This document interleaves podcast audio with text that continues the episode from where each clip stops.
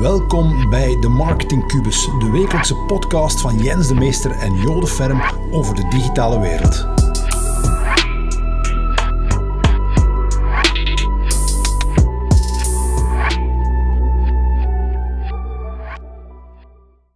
In deze Marketing Cubus gaan we het hebben over de performance en learning zone in digital marketing.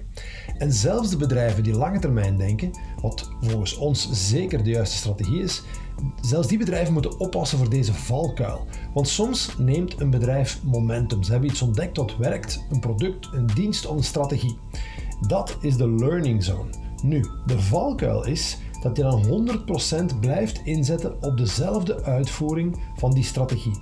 En dat is de performance zone.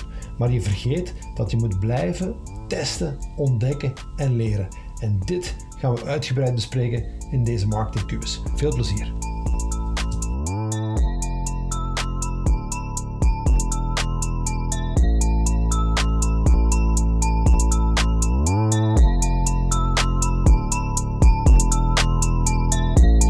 We gaan het vandaag hebben over een probleem dat we heel vaak tegenkomen bij bedrijven. Dat is namelijk dat ze niet genoeg long-term of lange termijn denken. En uh, we gaan dat uitleggen aan een voorbeeld van de performance zone, waar veel bedrijven in zitten en blijven inzitten. En de learning zone, hè, waar bedrijven te weinig in zitten eigenlijk, omdat ze te vaak ja, op korte termijn resultaten willen halen. Ja. En um, we waren daar straks bezig over een paar passies die wij delen. Ja. En dat was eigenlijk een perfecte uh, case om dit toe te lichten. Het gaat over skateboarden of gitaarspelen, Jens. Ja, inderdaad. Beide uh, liefhebbers van zowel uh, extreme ja. sport skateboarden als extreme hobby gitaarspelen. ja. dus, maar wat heb ik geleerd? Er zit er toch een verschil in. Hè? Ja. Jij kunt supergoed gitaar spelen. Ik kan oké okay gitaar spelen.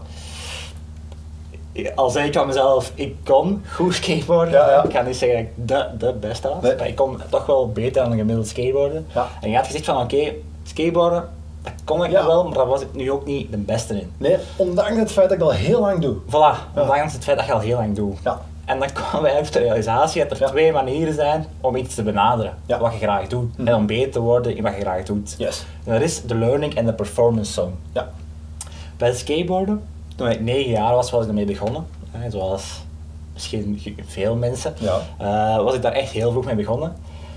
En ik was daar echt dag en nacht mee bezig. Ik Ja. ging daarmee slapen, ik deed trucjes in mijn droom. Dat ik soms, ik, had dat gevoel dat ik, als ik valde in mijn droom, dan viel ik door mijn bed zo. Ja. Dat was, ik was dag en nacht mee bezig en ik, ik beelde dat in van oké, wat moet ik doen om die trick te landen? S'nachts Mhm. ging ik daarmee slapen en dan overdag ging dat gewoon oefenen, oefenen, oefenen, oefenen. Ja. En dat was van oké, ik wil bijvoorbeeld een 360 flip doen, Ja. eh, of een 3 flip, Ja. zoals dat zeggen.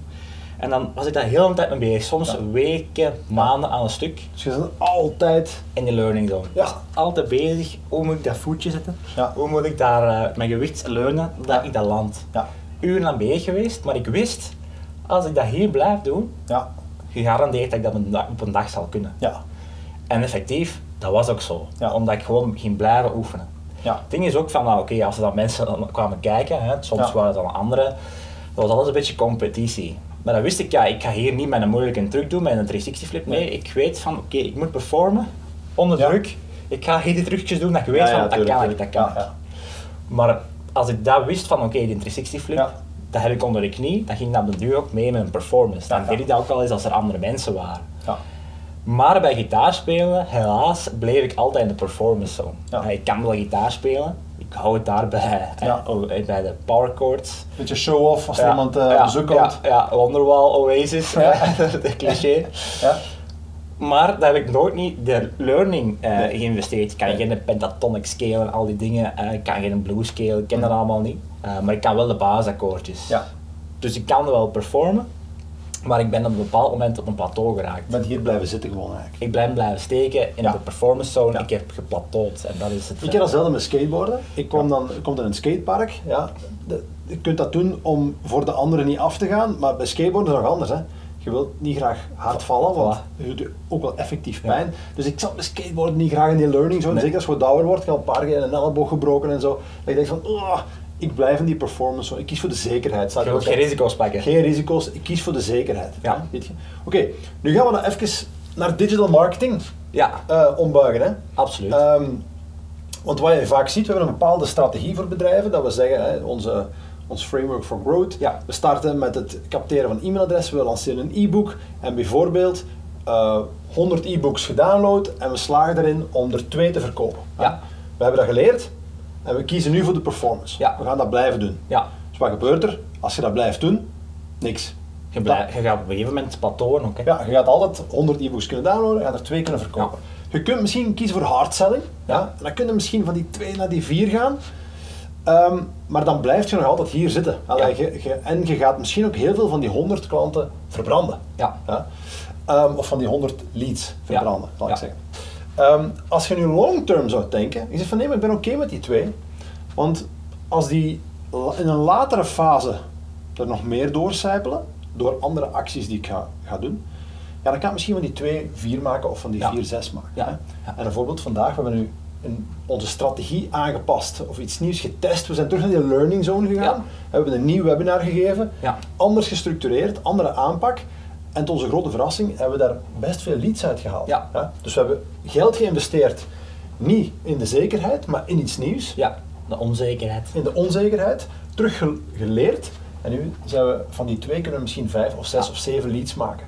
Plus die we al hadden. Ja. Want het toffe is natuurlijk, nu zit hij in onze trucendoos, hè. Ja. we weten dat werkt, dan kunnen we dat terug gebruiken in onze performance. Ja. We weten dat de zekerheid, we weten we iets onzeker geprobeerd, we hebben daar een resultaat geboekt, oké, dat is gewoon de zekerheid, Up, en dan zit je hier terug in. Hier blijf je in de zekerheid, korte termijn, geen risico's, comfortzone. Hier zit je onzekerheid. En elke keer als je terug gaat iets gaan testen in de risico's, want je gaat geld spenderen Ja. gewoon aan iets nieuws, hè, met de, de hoop dat er verbetering uitkomt gewoon. Ja. Maar als je dit blijft doen, dan ga je op lange termijn meer succes hebben met hetzelfde budget. Ja, klopt. Oké, wat is nu het probleem met digital marketeers? Ja, en het probleem is misschien Bij ook, jezelf? en bij, me- met mezelf, eh, is dat, dat iedereen focust op korte termijn, toch Ja. veelal. En dat ook een beetje, denk ik, heeft te maken met het businessmodel, of hoe dat de Mhm. mensen hun business runnen. Ja. Mensen denken van, oké, ik ga gewoon mijn sales team verhogen. Ja. Ik ga drie nieuwe sales aanwerven, want het gaat goed, ik krijg nu al leads binnen. Maar ik wil groeien, dus ik ga mijn sales eh, verhogen. Ja. Met het resultaat van, oké, je creëert enorm veel druk. Want als jij niet meer leads genereert, Mhm. ja, dan, dan staan die sales dan maar wat, ja, dan moeten diezelfde dingen afkomen Ja. en dat is, dat is niet altijd graag wat ze doen. Hè. Nee. Dus je creëert eigenlijk een situatie waarom dat je, dat je heel veel druk zet. Ja. Hè. Want je moet leads hebben en je moet zo die aantallen Ja. bereiken. Dus je gaat zeggen, ik ga hier, wat ik zeker weet, ga ik verhogen. Ja, Budget verhogen. ja, voilà. Maar dat gaat niet lukken. Nee. Dus dan kun je misschien wel meer eh, gaan adverteren, maar die leads gaan wel komen. Ja. Maar dat zijn misschien leads die gekwalificeerd zijn om, Nee. om, eh, ja, om op dat moment een aankoop uh, om daar Ja. over te gaan. Wat je dan vaak krijgt in sales team en marketing teams, dat marketing zegt van hey, we hebben meer leads gezorgd dan sales. Ja, maar die leads waren niet goed. Voilà. Maar ja, die marketing die staan onder druk om meer Ja. leads af te leveren. Dus die Ja. denken ah, kwalitatief, we gaan, we gaan harder pushen op dezelfde mensen. Voilà. Maar we weten natuurlijk, niet iedereen is altijd in die aankoopmodus. Voilà, dat is het. Hè. Dus je gaat mensen forceren in die aankoopmodus terwijl je er totaal nog niet in zit. Terwijl als je Voilà. lange termijn denkt, ja, wat ik denk is 100 e-book downloads, twee verkocht. Ja. En ik denk, maar wacht, november is nog lang, maar dan is Black Friday en ik weet op Black Friday gaan we veel kunnen converteren. Dus als ik elke maand er 100 bij heb, dat zijn eigenlijk allemaal 100 nieuwe prospects die ik opbouw, opbouw, opbouw en misschien volgend jaar pas ga converteren. Ja.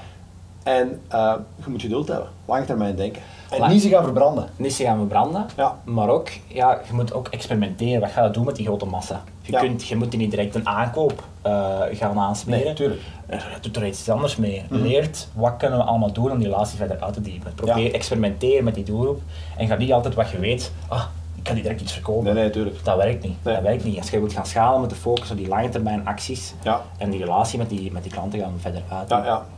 Druk van management, Ja. schrijft hier nog. Ja, druk van management inderdaad, ja, omdat zelden, het management wil gewoon leads, leads, leads. Dus wat ga je doen als Ja. marketeer? Je focust op de zekerheid. Hè. Je Ja. gaat gewoon altijd zelf doen wat je altijd Je hebt gewoon gedaan een keer meer budget nodig. Ja, je, je kunt dan zeggen, ja, ik heb meer budget nodig, maar dan ga je misschien de Google ads en de Facebook ads verhogen. Ja, ja. Maar dat is niet wat je moet doen. Je Nee. moet ook eens kijken welke acties je dan nog kan doen. Welk op vlak van content marketing. Wat kunnen we doen met die 98 prospects van die 100 die nog niet geconverteerd hebben? Laat ons daar eens even op focussen. Op Ja. de lange termijn. Maar dat doen niemand niet, maar ze Nee. altijd zeggen, ik heb nu iets nodig, dat Ja. nu, dat moet nu binnenkomen. Ja. We moeten die cijfers halen. Alright. Dus en dat is je eigen beetje, hoe zeg je dat? Successfully driving yourself off the cliff. Ja. Omdat je, ja, je gaat zoveel druk zetten maar uiteindelijk gaat het dan wel zaad afleveren. Ja. Maar er komen geen verkopen uit, omdat Nee, niemand in. Het is niet zo'n grote groep die in de aankoop zit. Wel nog een interessante discussie. Hè. Stel dat dat zo in percentages moeten verdelen. Hè. Hoeveel procent ga je spenderen aan learning en hoeveel procent ga je spenderen aan performance? En eigenlijk zien we hier bedrijven, zie je start-ups bijvoorbeeld, die geld ophalen, die een funding ronde doen. Ja, die hebben veel geld om te experimenteren. Ja. Hè. Die gaan nooit op zekerheid spelen. Hè. Die gaan altijd testen, testen, testen om, om, Zo'n groot mogelijke Ja. hefboom te creëren. om die hefboom te gaan creëren gewoon. Terwijl bedrijven die, die, die dat geld niet hebben, die moeten wat, wat zekerder spelen. Zou ik zeggen 80% performance en 20% learning. En als je goed gefund bent of reserves hebt, dan zou ik de learning percentage serieus verhogen Mhm, mhm. en wat minder op, eh, op performance zetten. Ja. Dat ga ik misschien ook toepassen aan mijn gitaar spelen. Hè. Ja, Gewoon 80%, 80% learnen, al die skills oefenen. ik ben heel En- benieuwd. Ja, Wanneer mogen we iets verwachten? De grote droom van Jens de Meters is trouwens ooit op werk te spelen. Hè Jens? Ja, Ja, als doelstelling gezet. de hè? doelstelling, een van mijn doelstellingen. Ja, Moet het haalbaar zijn. Ja, Het moet haalbaar zijn. dan gaan we toch terug naar de learning fase. Dus ik ga er tijd voor moeten maken, ja, absoluut. Ja. absoluut. Maar eh, voorlopig hou ik het bij powercoaches en de Ramones spelen op mijn gitaar. 1, 2, 3, 4. Oké. Voilà, dus onthoud, focus op de lange termijn. En ik weet dat dat soms niet makkelijk is wegens druk van management. Ja. Maar ook als management zijnde, leg die kijker ook een beetje verder en focus niet altijd op korte termijn. Ja, dat is absoluut. Alright. Top inzichten. Dankjewel Jens. Hey, bedankt om deze podcast weer volledig uit te luisteren. Heb jij misschien een vraag voor ons? Aarzel dan niet om mij een berichtje te sturen via LinkedIn. En nog beter, als je me een voice message stuurt, dan kunnen we jouw vraag gebruiken in onze podcast. En dan gaan we volledig aan de slag met jouw vraag om daar de oplossing voor te formuleren. Je kan me nog altijd een geweldig plezier doen met ons een 5 sterren score te geven. eh, of je te abonneren op onze podcast. Dat helpt ons om een beetje hoger te raken in de rankings en doe je me een geweldig plezier mee. Tot volgende week.